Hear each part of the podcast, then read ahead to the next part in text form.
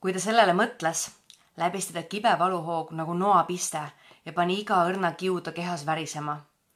ta silmade sina tumenes ametüstiks ja neid looris pisarate udu. ta tundis, nagu suruks kellegi jäine käsi ta südamele. kas teile ei meeldi, hüüdis Halvard viimaks, sest teda riivas pisut noormehe vaikimine, mille tähendust ei mõistnud. muidugi meeldib, ütles lord Henry kellele see ei meeldiks, see on üks tänapäeva kunsti suurteoseid. pakun teile selle eest kõik, mida te iganes küsite, ma pean ta endale saama. see pole minu, Harry. kelle siis?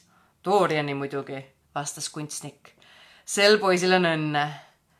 kui kurb see on, pomises Dorian Gray ikka veel üksisilma oma portreed vaadates. kui kurb see on. mina jään vanaks, lähen hirmsaks, koledaks. see pilt jääb aga igavesti nooreks. ta ei saa kunagi vanemaks, kui ta, kui on sel tänasel juunipäeval. kui see ometi vastupidi oleks, oleksin mina see, kes alati nooreks jääb, portree aga vananeks.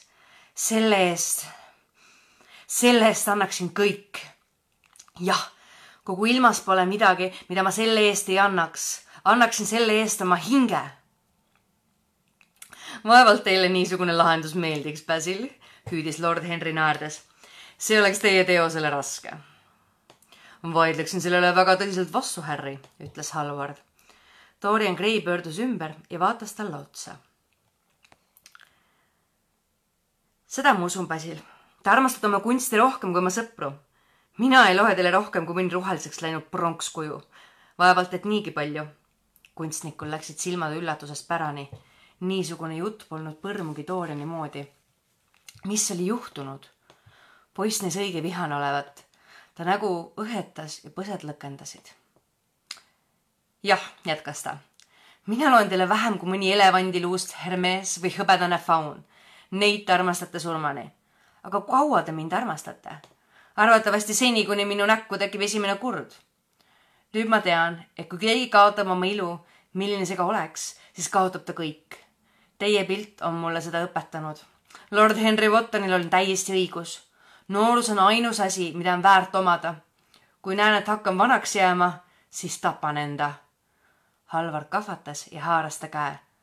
Dorian, Dorian, hüüdis ta, ärge rääkige nii. mul pole kunagi olnud teiesugust sõpra ja kunagi ei leia ma teist niisugust. Te ei ole ju ometi kade elutute esemete peale. Teie, kes te olete ilusam kui ükski neist kadestan kõike, mille ilu ei sure, kadestan oma pilti, mille te maalisite. miks peaks temas säilima see, mille mina paratamatult kaotan? iga mööduv pilk võtab minult midagi ära ja annab temale midagi juurde. oh, kui see ometi oleks vastupidi. kui pilt muutuks ja mina võiksin alati jääda selleks, kes ma olen praegu. miks teda maalisite? ükskord ta veel irvitab minu üle, irvitab kohutavalt. palavad pisarad tõusid talle silmi ta kiskus käe lahti, viskus diivanile ja peitis näopatjadesse, nagu palvetaks ta. see on teie töö, hea Harry, ütles kunstnik kibedalt. lord Henry kehitas õlgu. see on tõeline Dorian Gray, muud midagi. ei ole. kui see pole tema, siis mis, siis minul sellega pistmist on. Te oleksite pidanud ära minema, kui ma teilt palusin, pomises kunstnik. ma jäin, sest te palusite jääda, kõlas lord Henry vastus Harry, ma ei või ometi mõlema kõige parema sõbraga korraga riidu minna, kuid teie kahekesi olete pannud mind vihkama oma parimat teost, mis ma kunagi olen loonud ja nüüd ma hävitan selle. mis ta muud on, kui vaid lõuend ja värvid. ma ei lase teda kõigile meile kolmele teele risti ette jääda ja meie elu rikkuda. Dorian tõstis padjalt oma kuldse pea ja vaatas kahvatul, pisaras kriimul näol kuidas Basil kõrge eesriidega kaetud akna alla kuusepuust maalimislaua juurde läks. mida ta sealt tahtis? ta sõrmed kobasid tinatuubide ja kuivade pintslite kribukrabus, sealt midagi otsides. õige, see oli õhukese ja painduva teraga balletilabik, mida ta vajas. viimaks leidis ta selle. sellega tahtis ta lõuendi puruks käristada. lämmatatud nuuksega kargas poiss diivanilt tormas Halvardi juurde, kiskus tal noa käest ja viskas selle kaugele ateljee nurka. ei tohi, Basil, ei tohi, hüüdis ta. see oleks tapatöö. rõõmustan, et olete lõpuks ometi minu teost. rõõmustan, et te lõpuks ometi minu teost hindate, Dorian, ütles kunstnik külmalt, kui ta oleks, kui ta oli üllatusest toimunud. seda poleks ma teist uskunud. hindan seda, ma armastan seda, Basil. see on osa minust endast, ma tunnen seda. Noh, niipea kui olete kuiv, lakitakse teid, raamitakse teid ja saadetakse teile koju. siis võite endaga teha, mis tahate ta läks ja helistas, et teed toodaks. Te soovite muidugi teed, Dorian, ja teie samuti, Harry, või ei hooli te niisugustest lihtsatest lõbudest? ma jumaldan lihtsaid lõbusid, ütles lord Henry. Need on rafineeritute viimane pelgupaik. aga ma ei armasta stseene, välja arvatud teatrilaval. Olete teie mõlemad aga veidrad inimesed.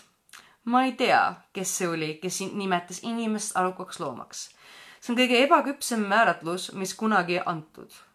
inimene on kõike muud, aga mitte arukas. ja mul on lõpuks õieti hea meel, et ta seda ei ole.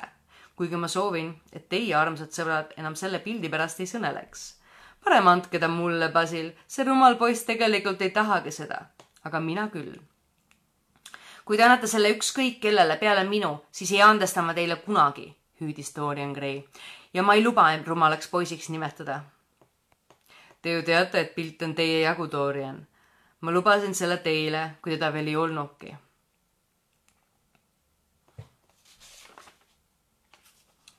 ja te mõistate isegi, et käitusite pisut rumalasti, Mr Gray, ning et teil tegelikult pole midagi selle vastu, kui teile meelde tuletatakse, et olete alles väga noor.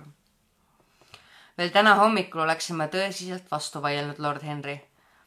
ah, täna hommikul, aga sest saati olete tüki maad vanemaks saanud koputati uksele ja ilmus teener teekandikuga, mille ta väikesele Jaapani lauale asetas. kostis tee ja alustasside kõlin ja vanaaegse rihvatud teemasina susin. teenripoiss tõi kaks kerakujulist portselananumat. Dorian Gray läks laua juurde ja kallas teed tassidesse. Mehed astusid pikkamisi laua juurde ja uurisid, mis katte all peidus. Lähme täna õhtul teatrisse, ütles lord Henry kusagil mängitakse kindlasti midagi huvitavat. ma lubasin küll White'is lõunat süüa, kuid seal ootab mind ainult üks vana sõber ja ma võin talle sõna saata, et olen haige või et ettenägematu takistuse tõttu pole mul võimalik tulla.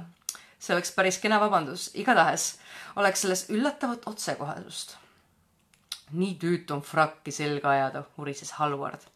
ja kui see sul seljas on, näed välja nagu herne hirmutis. jah, vastas lord Henry unistavalt üheksateistkümnenda sajandi kehakatted on jälestusväärsed. Need on nii sünged ja masendavad. patt on tänapäeva elus ainus tõeline värvikas element. Doriani kuuldes ei tohiks te küll niisuguseid asju ütelda, Harry. missuguse Doriani kuuldes? Kas mõtlete seda, kes meile praegu teed kallab või seda, kes on pildil? mõtlen mõlemaid. tuleksin hea meelega teatrisse, lord Henry, ütles poiss siis tuletegi ja teie ka, Basil, nõus? ma tõesti ei saa, ma parem ei tule, mul on palju tööd ees. hea küll, siis lähme kahekesi, Mr Gray. see meeldiks mulle kangesti. kunstnik hammustas huult ja läks tass käes pildi juurde. Mina jään tõelise Dorianiga koju, ütles ta nukralt. on see siis tõeline Dorian, hüüdis pildi algkuju ja astus kunstniku juurde olen ma tõesti niisugune? jah, te olete just niisugune. kui tore, Basil. vähemalt välimuselt olete, oih, vabandust, vähemalt välimuselt olete temaga sarnane, kuid see ei muutu kunagi, ohkas Halvard. see on ka midagi. Kui palju tühje sõnu teevad inimesed truudusest, hüüdis lord Henry. isegi armastuses on see ainult füsioloogiline küsimus meie tahtega pole sel midagi pistmist. noored tahavad olla truud, kuid nad ei ole seda. vanad tahavad olla truudusetud, kuid nad ei suuda seda. see on kõik, mida selle kohta võib öelda. ärge minge täna õhtul teatrisse, Dorian, ütles Halvard. jääge siia ja õhtustame koos. ma ei saa, Basil. miks? Ma ju lubasin minna lord Henry Wottoniga. sõnapidamise pärast ei peaks ta teist sugugi rohkem lugu tema ise murrab alati oma lubadusi. palun teid, ärge minge. Dorian Huck Gray puhkas naerma ja raputas pead. ma anun teid. poiss kõhkles ja heitis pilgu lord Henryle, kes neid teelaua juurest lõbusal naeratusel jälgis. ma pean minema, Basil, vastas ta. Väga hea, ütles Halvard, läks laua juurde ja pani tassi kandikule.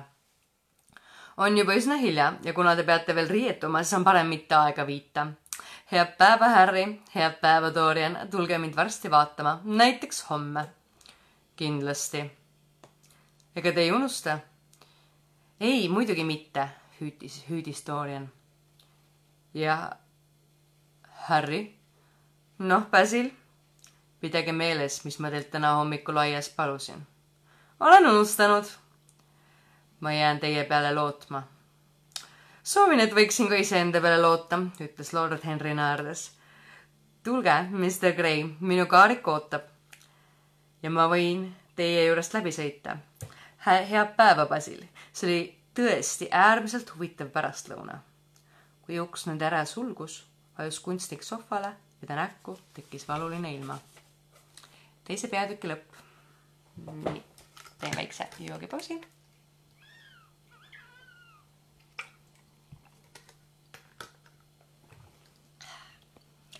kolmas peatükk. järgmisel päeval kell pool kuus suundus lord Henry Wotton Curzon Streetilt Albani maja poole, et külastada oma onu lord Fermorit, sõbralikku, kuigi pisut karedate kommetega vanapoissi, keda laiem avalikkus isekaks pidas, sest et keegi ei suutnud tema käest kõneväärset summat välja pigistada, keda ka kõrgem seltskond heldekäeliseks luges, sest ta toitis ju inimesi, kes teda lõbustasid. tema isa oli olnud Briti saadikuks Madridis, siis kui isa Bella alles noor oli ja Primmist veel midagi kuulda polnud, kui ta diplomaatilisest teenistusest hetkelise solvunud kapriisi pärast tagasi tõmbunud, sest talle ei pakutud saadiku kohta Pariisis, millele ta oma sünnipära, oma laiskuse, oma läkituste, hea inglise keele ja taltsutamatu lõbukirja tõttu enda arvates täielik õigus oli. poeg, kes oma isa sekretäriks oli olnud, lahkus teenistusest koos ülemusega, mida tol korral pisut nagu meelelahutuseks peeti. ja olles mõni kuu hiljem lordi tiitli pärinud, andus ta raskele aristokraatlikule mitte midagi tegemise kunstile. tal oli linnas kaks suurt maja, ent ometi eelistas ta elada üürikorteris, sest sellega oli vähem tüli ja einestas enamasti ikka klubis oma südamaal asuvaile kivisöe kaevandustele pühendas ta siiski pisut tähelepanu vabandades seda hävistavat tööstuslikku harrastust eelisega, mida kivisöe omamine džentelmenile pakub. nimelt annab see talle meeldiva võimaluse põletada oma koldes puid. poliitikas toetas ta toorisid, välja arvatud siis, kui need valitsused üüril istusid. sel ajavahemikul sõimas ta neid radikaalide kambaks.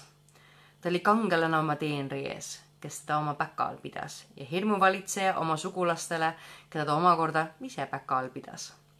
ainult Inglismaa on võimeline temasugust sünnitama ja ta kinnitas alati, et see maa seisab hukatuse äärel. tema põhimõtted olid ajast ja arvust, kuid tema eelarvamuste õigustuseks võiks nii mõndagi öelda. Kui lord Henry sisse astus, istus onu tugitoolis ja karune jahikuup seljas Manila sigar hambus ja luges pahameeles turides Timesi. noh, Harry, ütles vanahärra, mis sind nii varakult välja ajab?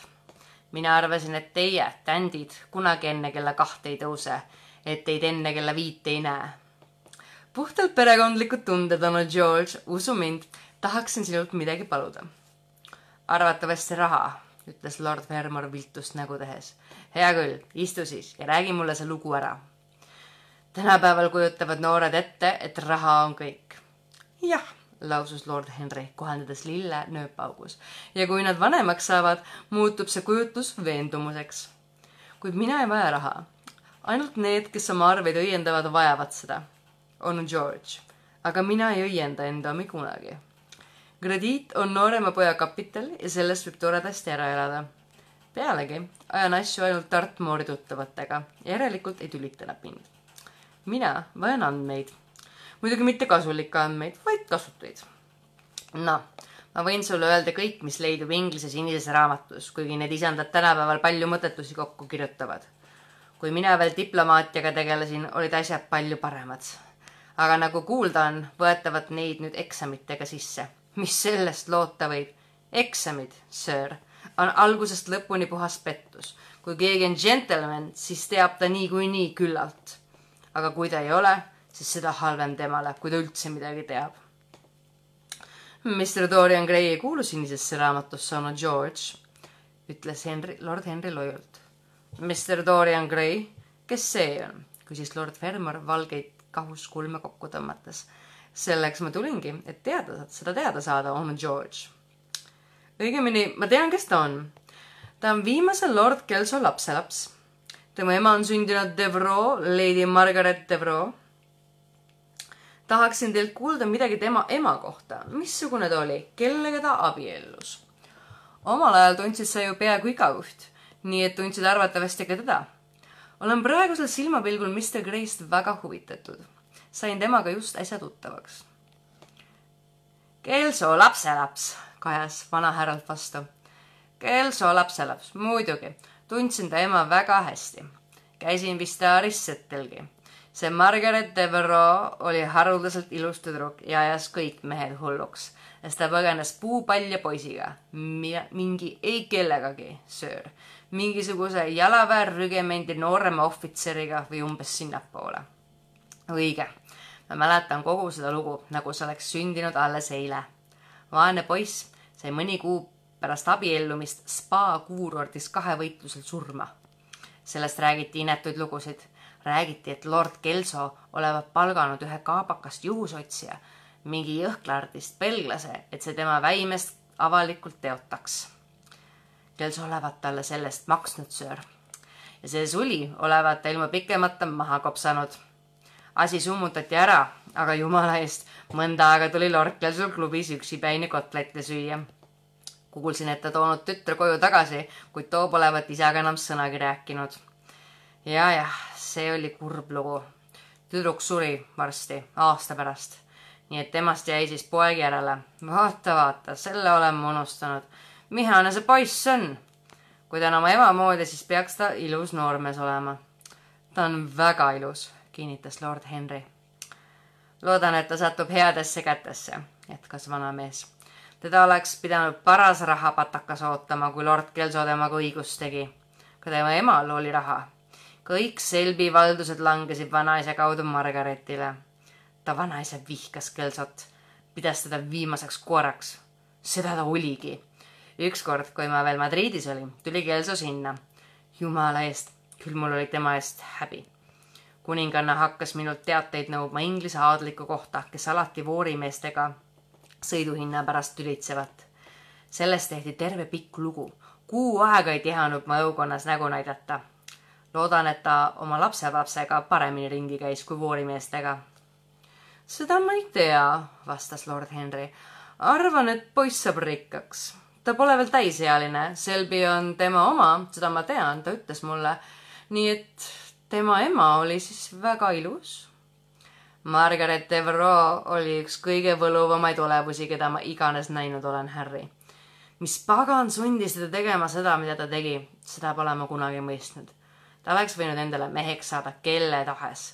Carlington oli hull tema järele. aga eks tüdruk olnud romantiline.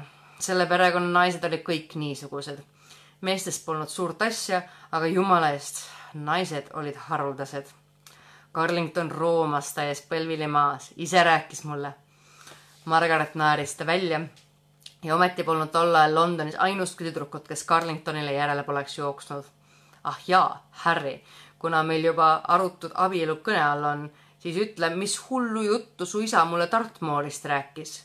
see pidi tahtma endale ameeriklannat naiseks kosida. kas siis inglise tüdrukud talle enam ei kõlba? praegu on moes ameeriklasi, ameeriklannasi kosida, onu George. ma olen inglise naiste poolt, kasvõi kogu maailma vastu, Harry, ütles lord Fermor rusikaga lauale põrutades. praegu mängitakse ameeriklannade peale olen kuulnud, et neil pole vastupidavust, lausus vanahärra.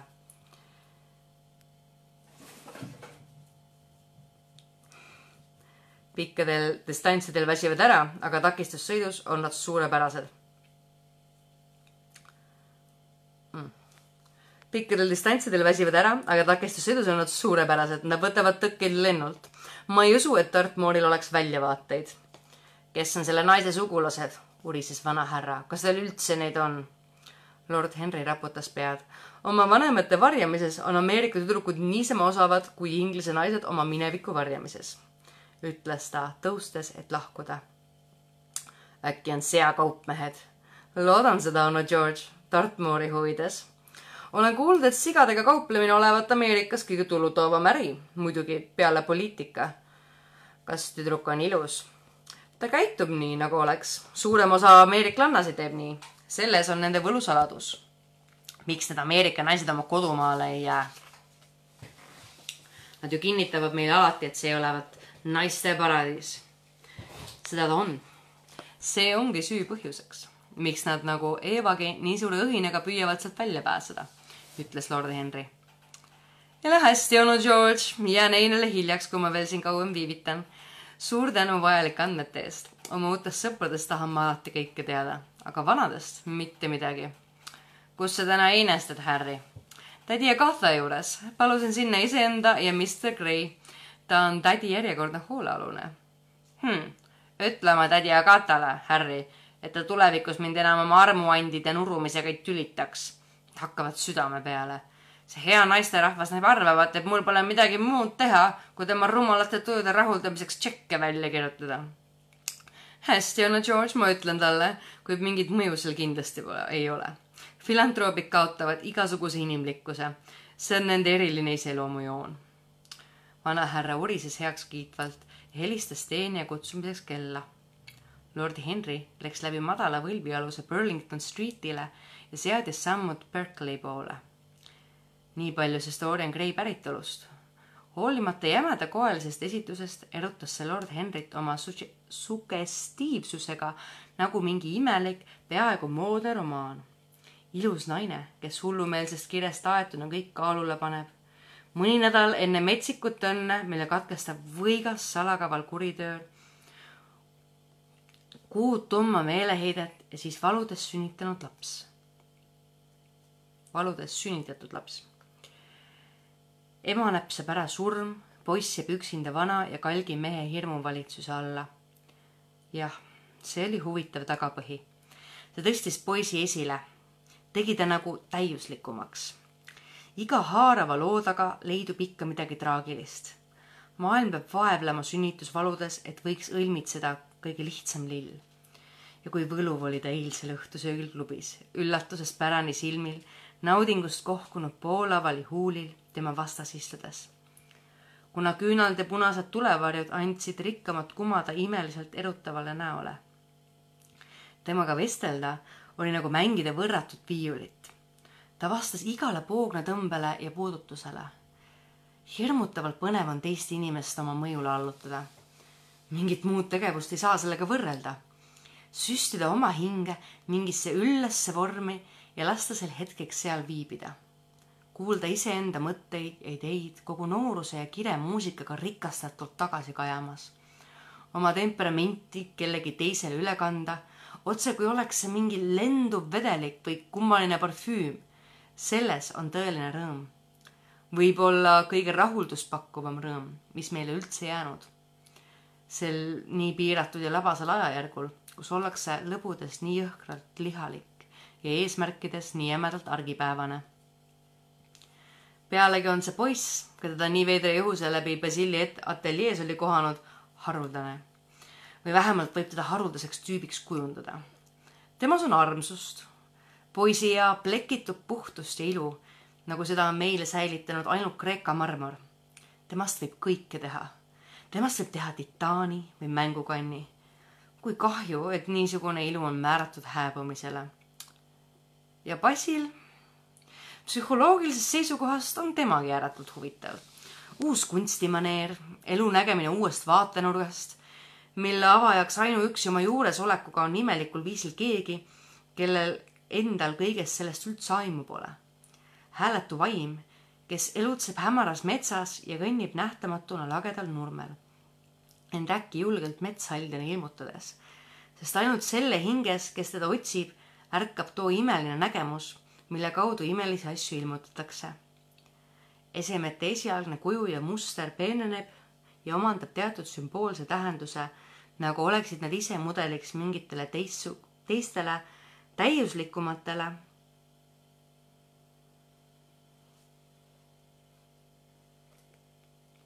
võimidele, mille varju nad tõelisuseks muudavad. Kui kummaline see kõik on. midagi selle taolist mäletas ta ajaloost. kas ei olnud mitte Platon, see mõttekunstnik, kes seda esimesena oli analüüsinud? kas ei olnud see Buonarroti, kes selle soneti pärjana värvilisse marmorisse oli tahunud? kuid meie sajandil on see imelik. jah, ta püüab olla Dorian Gray'le seda, mida see poiss oli ebateadlikult maalijale, kes selle imelise portree oli loonud ta püüab tema valitsejaks saada. Pooleldi oligi ta selleks juba saanud. ta tahab selle imelise vaimu enda omaks teha. selles armastuse ja surma pojas oli midagi lummavat. äkki peatus ta ja heitis pilgu majadele. nähes, et ta oli tädi omast juba pisut mööda läinud, naeratas ta endamisi ja pöördus tagasi. kui ta süngevõitu halli sisse astus, teatas ülemteener talle et kõik on juba lauda istunud. Ta andis kübara ja kepi ära ning läks söögituppa. hilja nagu ikka, Harry, hüüdis tädi ja vangutas talle pead. lord Henry leidis kiiresti mingi kerge pealiskaudse vabanduse, asus tädi kõrvale vabale platsile ning laskis pilgu üle lauasol istujate ringi käia, et näha, kes kohal on. alt laua otsast tegi Dorian talle häbeliku kummarduse, samas hea meelest õhetama lüües otse vastas istus Harley hertsoginna, imetlusväärselt hea südame ja rõõmsa loomuga daam, keda kõik tema tuttavad väga armastasid ja kes omas niisuguseid külluslikke arhitektuurseid proportsioone, mida kaasaegsed ajaloolased naiste puhul, kes pole hertsoginnad, tüseduseks nimetavad. hertsoginnast paremal istus Sir Thomas Burden, radikaalne parlamendiliige, kes avalikus elus jälgis oma liidrit, eraelus aga parimaid kokki lõunatas koos tooridega ja mõtles koos liberaalidega, nagu nõudis tark ja hästi tuntud eluseadus. koht hertsoginnast vasakul kuulus Mr Erskine Redlile, vanale, tähelepanuväärselt veetlevale haritud džentelmenile, kes oli aga omaks võtnud halva kombe vaikida, sest juba enne kolmekümne aastaseks saamist, nagu ta kunagi tädi Agatale oli seletanud, olevat ära öelnud kõik, mis tal öelda oli lord Henry enesenaabriks oli Miss, Mrs Vandeleur, üks tädi vanemaid sõbrannasid, täielik pühak kõigi naiste seas, aga nii hirmus lohakalt riietatud, et tuletas meelde halvasti köidetud lauluraamatut. Õnneks istus daami teisel käel lord Fowder, ülimalt intelligentne keskealine keskpärasus, kelle pea oli tühi ja paljas nagu ministri aruanne alamkojas temaga jutles Mrs Vandeleur tundekollaliselt tõsimeelsel toonil, mis on andestamatu viga, nagu lord Henry kord ise oli täheldanud. viga, mida teevad kõik tõeliselt head inimesed ja mida keegi neist iial täielikult vältida ei suuda. me rääkisime parajasti vaesest Dartmoorist, lord Henry, hüüdis hertsoginna talle sõbralikult üle laua noogutades. mis te arvate, kas te tõesti selle noore veetleva isikuga abiellub? Mina arvan, et see noor isik on otsustanud Dartmoorile abielu ettepaneku teha. kui hirmus, hüüdis Lady Agatha. keegi peaks siin vahele astuma. mina kuulsin täiesti kindlast allikast, et neiu isal olevat Ameerikas galanti, galant, galanterii kaubamaja, ütles Sir Thomas Burdon upsakal ilmem minu onu oletas juba seakaubandust, Sir Thomas galanterii, mis on Ameerikas galanterii? küsis hertsoginna oma suuri käsi täis imestust taeva poole tõstes ja tegusõna eriliselt rõhutades. Ameerika kirjandus, vastas lord Henry ja võttis vutipraadi ette. hertsoginna tegi jahmunud näo. ärge teda kuulake, mu kallis, sosistas Lady Agatha. ta ei mõtle kunagi seda, mis ta ütleb. kui Ameerika avastati ütles radikaalne parlamendiliige ja asus loendama tüütuid fakte. nagu kõik, kes püüavad ammendada teatud teemat, ammendades ta selle asemel ainult oma kuulajad. hertsoginna ohkas, ja püüdis kasutada oma vahelerääkimise eesõigust. jumala eest, ma sooviksin, et teda kunagi poleks avastatud, hüüdis ta. tõepoolest, meie tüdrukutel pole tänapäeval enam mingeid väljavaateid, see on väga ülekohtune. Võib-olla pole Ameerikat üldse avastatud, ütles Mr Erskine. mina isiklikult ütleksin, et teda on nüüd lihtsalt tähele pandud aga mina olen mõningaid selle maa esindajaid näinud, vastas hertsoginna ebamääraselt pean tunnistama, et enamasti on nad haruldaselt kenad ja nad käivad hästi riides, nad tellivad kõik oma riided Pariisist. soovin, et ka mina võiksin seda endale lubada. Öeldakse, et pärast surma lähevad head ameeriklased Pariisi, kihistas Sir Thomas, kellel oli rikkalik tagavara ära kantud huumorihilpe. tõesti, ja kuhu siis halvad ameeriklased pärast surma lähevad? päris hertsoginna.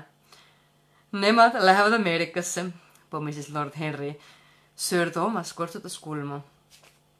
kardan, et teie vennapojal on eelarvamusi selle suure maa vastu, ütles ta Lady Agathale.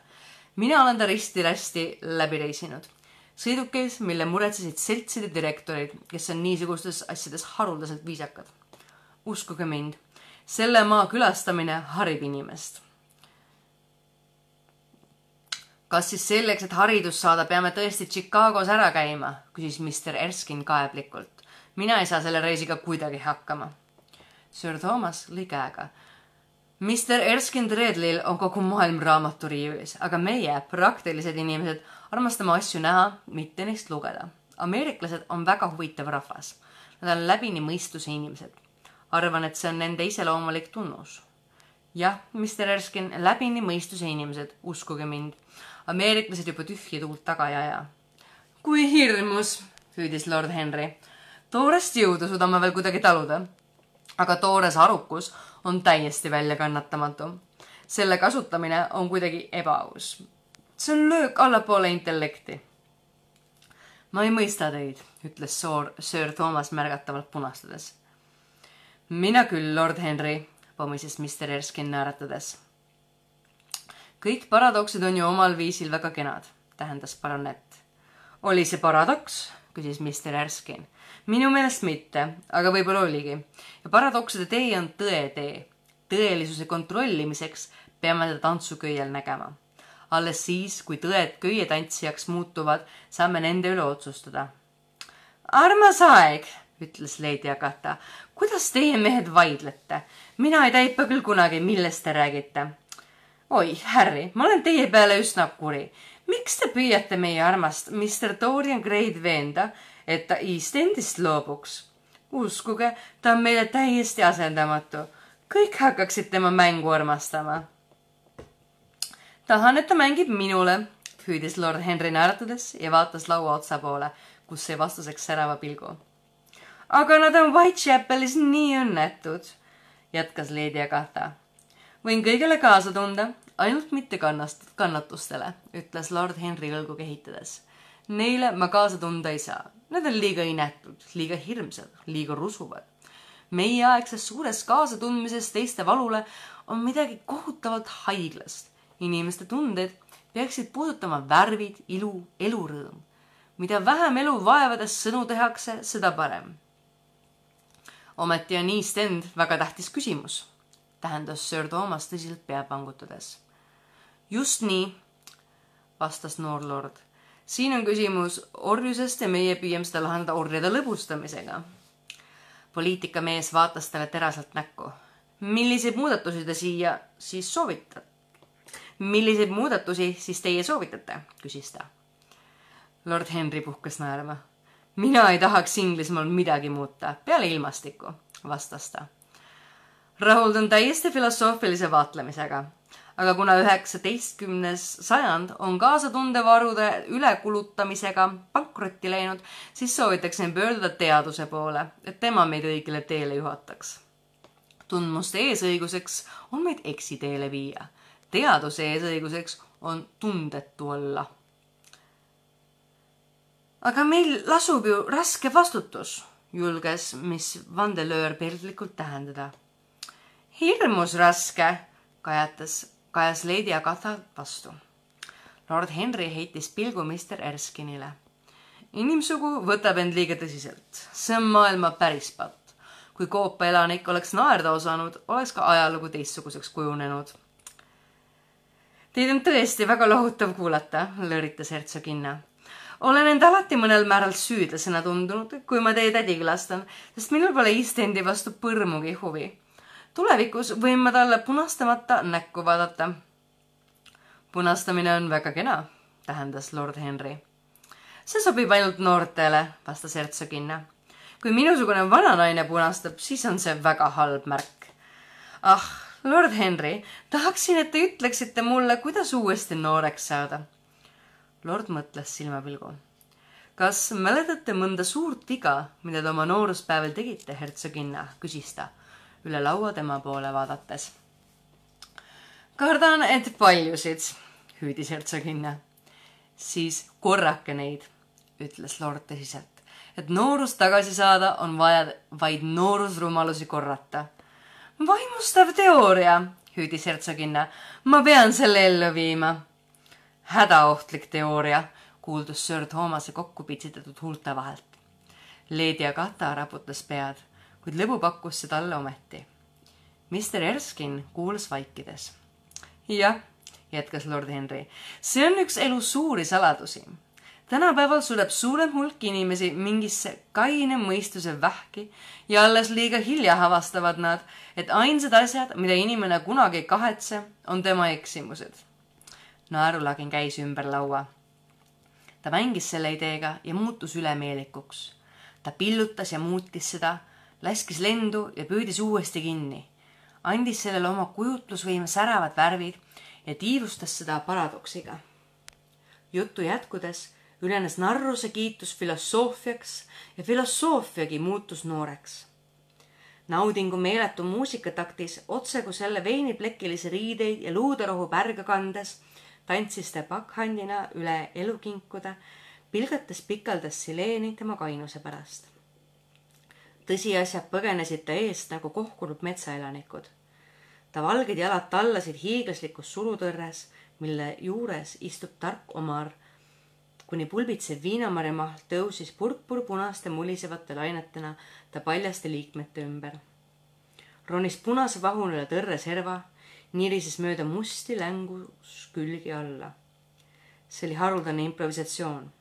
ta tundis, kuidas Dorian Gray pilt temasse kiindus ja teadmine, et kuulajate seas viibib keegi, kelle meelide võlu tõhkas, näis andvat ta vaimule teravuse ja lisavat kujutelmadele värvi. Ta oli sädelev fantastiline, vastutustundetu. ta veelitas kuulajaid neist enestest välja ja naerdes astusid nad tema vilepilli kannul. Dorian Gray ei pööranud temalt pilku, vaid istus nagu ära tehtud. ta huulil ajas üks naeratus teist taga ja imestus aina kasvas ta tumenevas silmis. viimaks astus sisse kaasaegses teenri livrees tegelikkus, teatades hertsoginnale, et sõiduk ootab naljataval meeleheitel ringutas hertsoginna käsi. kui tüütu, hüüdis ta. ma pean lahkuma. mul tuleb mehele klubisse järele minna, et viia ta Willisesse mingile mõttetule koosolekule, mida ta peab juhatama. kui ma hiljaks jään, saab ta kindlasti vihaseks ja selle kübaraga ei saa ma endale ometi mingit seene lubada. see kübar on liiga habras. vali sõnalõhuks ta ära. ei, ma pean minema, kallis Agatha. nägemiseni, lord Henry Te olete lihtsalt vaimustav ja õudselt hukutav. ma tõesti ei tea, mida teie vaadete kohta öelda. Te peate ükskord meile lõunale tulema. teisipäeval? kas olete teisipäeval vaba? Teie pärast hülgan kõik teised hertsoginna, ütles lord Henry kummardades. ah, see on teist väga kena ja väga ülekohtune, hüüdis hertsoginna. vaadake, te siis tulete. Leedi Agatha ja teise leedide saatel tuhises ta toast välja kui lord Henry oli uuesti istet võtnud, astus Mr Erskine tema juurde, istus ta kõrvale ja pani käe käsivarrele. Te räägite paremini kui ükski raamat, ütles ta. miks te ise midagi kirjuta? armastan selleks liialt raamatute lugemist, et nende kirjutamisega aega raisata, Mr Erskine.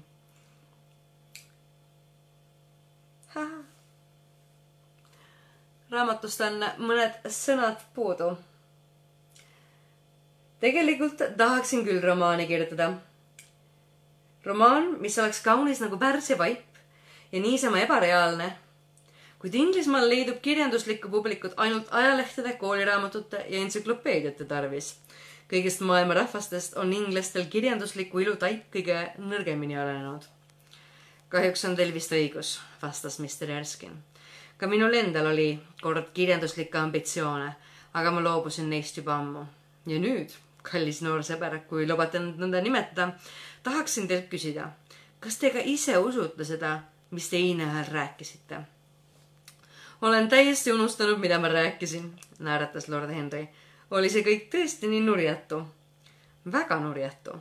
pean teid tõepoolest äärmiselt hädaohtlikuks ja kui meie kalli hertsoginnaga peaks midagi juhtuma, siis paneme vastutuse esmajoones teile. kuid ma tahaksin teiega rääkida ilust. minu põlvkond oli igav põlvkond kunagi, kui olete Londonis tüdinud, tulge Treedlisse ja selgitage mulle lähemalt oma naudingfilosoofiat pudeli hea burgundi veini juures, mida mul õnneks leidub. suurima heameelega. külaskäik Treedlisse on eriline au. See on täiuslik võõrustaja ja täiuslik raamatukogu. Teie lisate sellele täiuslikkust, vastas vanahärra viisaka kummardusega. ja nüüd pean teie võrratu täidiga jumalaga jätma Athenaeum ootab mind. praegu on tund, kus me seal magame. Teie kõik, Mr Erskine, neljakümnekesi, neljakümnes tugitoolis, valmistume saama Inglise Kirjandusakadeemiaks. lord Henry puhkas naerma ja tõusis. Mina lähen Hyde Parki, hüüdis ta. ukse juures puudutas Dorian Gray'd ja käsivart. lubage, et ma teiega kaasa tulen, palus ta vaikselt minu arvates pidite te Basil Hallwardi juurde minema, vastas lord Henry. parema meelega tuleksin teiega. jah, ma tunnen, et ma pean tulema teiega. palun lubage. ja kas, kas tõotate, et te kogu aeg minuga räägite? keegi ei räägi nii imeliselt kui teie. Ah, tänaseks olen juba küllalt rääkinud, ütles lord Henry naeratades. nüüd ei taha ma muud kui elu vaadata.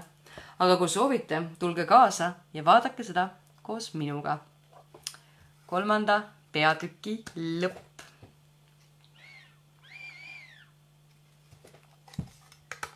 nii. neljas peatükk. ühel õhtupoolikul kuu aega hiljem istus Dorian Gray Mayfairis lord Henry maja väikeses raamatukogus toredas tugitoolis. kõrge oliivikarva tammepaneeli kreemkollaka friisi, lage kaunistavate kipsreljeefide telliskivi värvilise viltvaibal laodatud pikanarmaliste pärsia siidist tekkidega oli see tuba omal viisil väga ilus.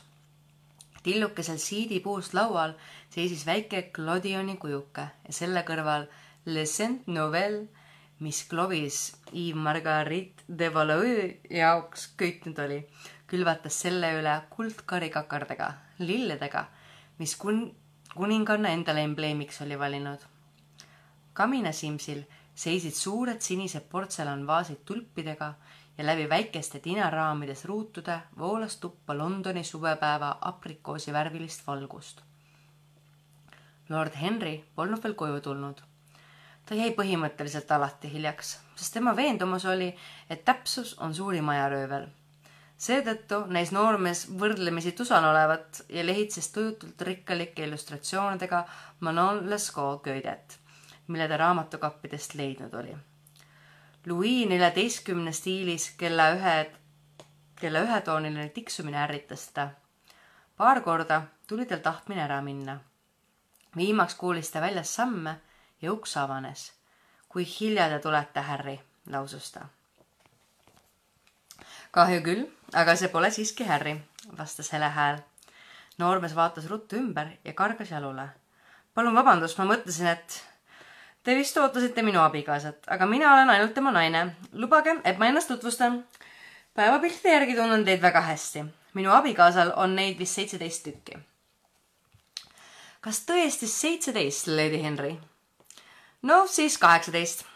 pealegi nägin teid hiljuti koos temaga ooperis. rääkides naeris ta närviliselt ja vaatles noormeest hajameelsete meelespea lillede silmadega ta oli imelik naine, kelle riided näisid olevat pihahoos valmistatud ja ülepea kaela selga aetud. tavaliselt oli ta ikka kellegisse armunud ja kuna ta kirgi iialgi vastuarmastust ei leidnud, säilitas ta kõik oma illusioonid. ta püüdis olla maaliline, kuid küündis ainult räpakuseni. tema nimi oli Victoria ja ta põdes otse haiglast kirikus käimise maaniat. see oli vist Lohegrini etendusel, Lady Henry. jah, meie armsa Lohegrini etendusel Wagneri muusikat ma armastan üle kõige see oli nii vali, et võid kogu aeg juttu ajada, ilma et teised su sõnu kuuleksid. see on suur eelis, eks ole, Mr Gray? jälle kõlas ta õhukestelt huultelt närviline katkendlik naer ja ta sõrmed hakkasid mängima pika kilpkonna luust paberinoaga. Dorian naeratas ja raputas pead. mina küll kahjuks nii ei arva, Lady Henry. mina ei aja muusikat kuulates kunagi juttu. vähemalt siis, kui see on hea muusika.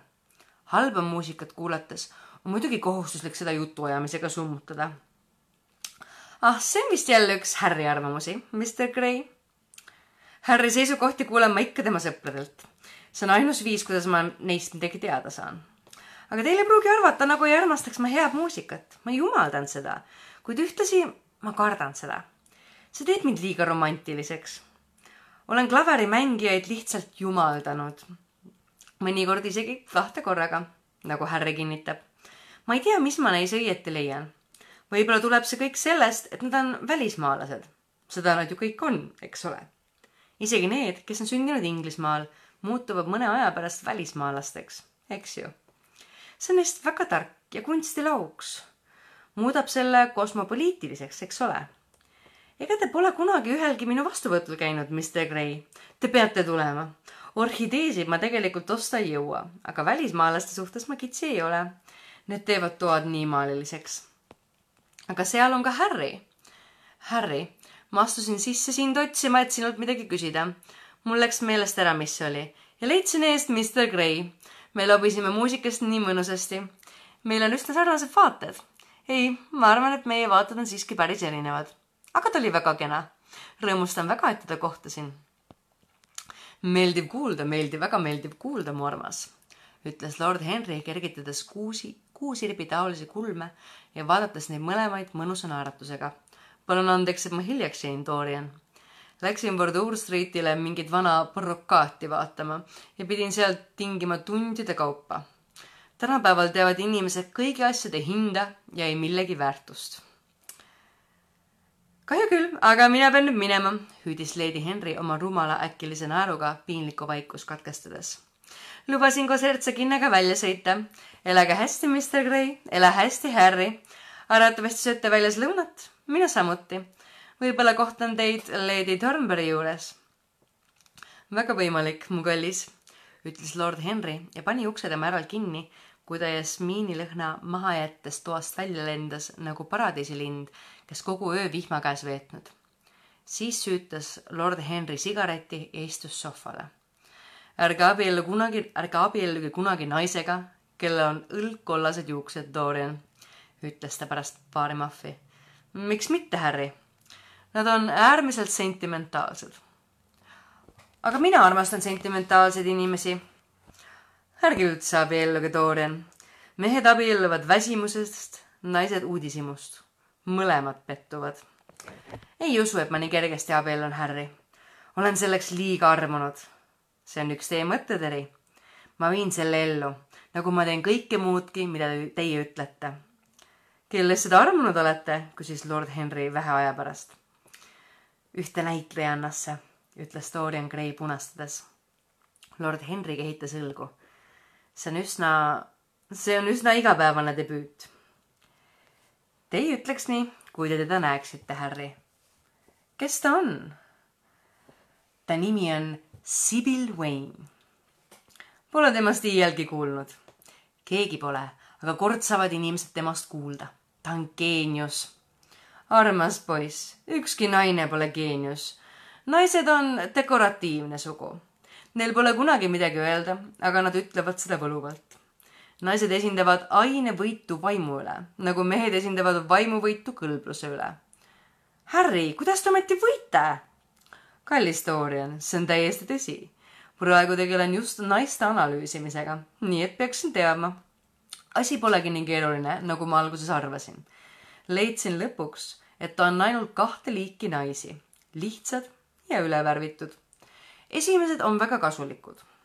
kui tahate omandada soliidset mainet, siis piisab sellest, kui mõne õhtusöögile kaasa võtate. teised on väga veetlevad, aga ühes asjas nad siiski eksivad. Nad värvivad ennast, et võimalikult noor välja näha meie vana, vanaemad värvisid end, et vestluses võimalikult sädelevad olla. Rouge ja Esprit, Esprit käisid harilikult käsikäes. see kõik on nüüd möödas. seni, kui naine suudab kümme aastat noorem välja näha kui ta oma tütar, on ta täiesti rahuldatud.